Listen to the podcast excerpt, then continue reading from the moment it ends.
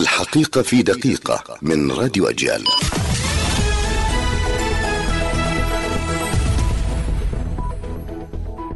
أهلا بكم. الأسرى الإداريون يواصلون مقاطعتهم لمحاكم الاحتلال لليوم الثالث والعشرين على التوالي للمطالبة بإنهاء سياسة الاعتقال الإداري تحت شعار قرارنا حرية. تسع إصابات بالاختناق جراء حريق نشب داخل منزل في بلدة بيت حنينة بالقدس. والتحقيقات الأولية تظهر أن الحريق كان بسبب مدفأة. مستوطنون يقتحمون المسجد الأقصى مبارك بحماية مشددة من شرطة الاحتلال. هزة أرضية بقوة 4.2 درجة على مقياس رختر تضرب منطقة غور الأردن دون أضرار.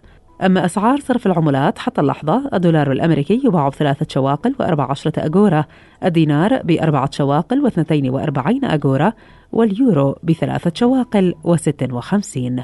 إلى اللقاء.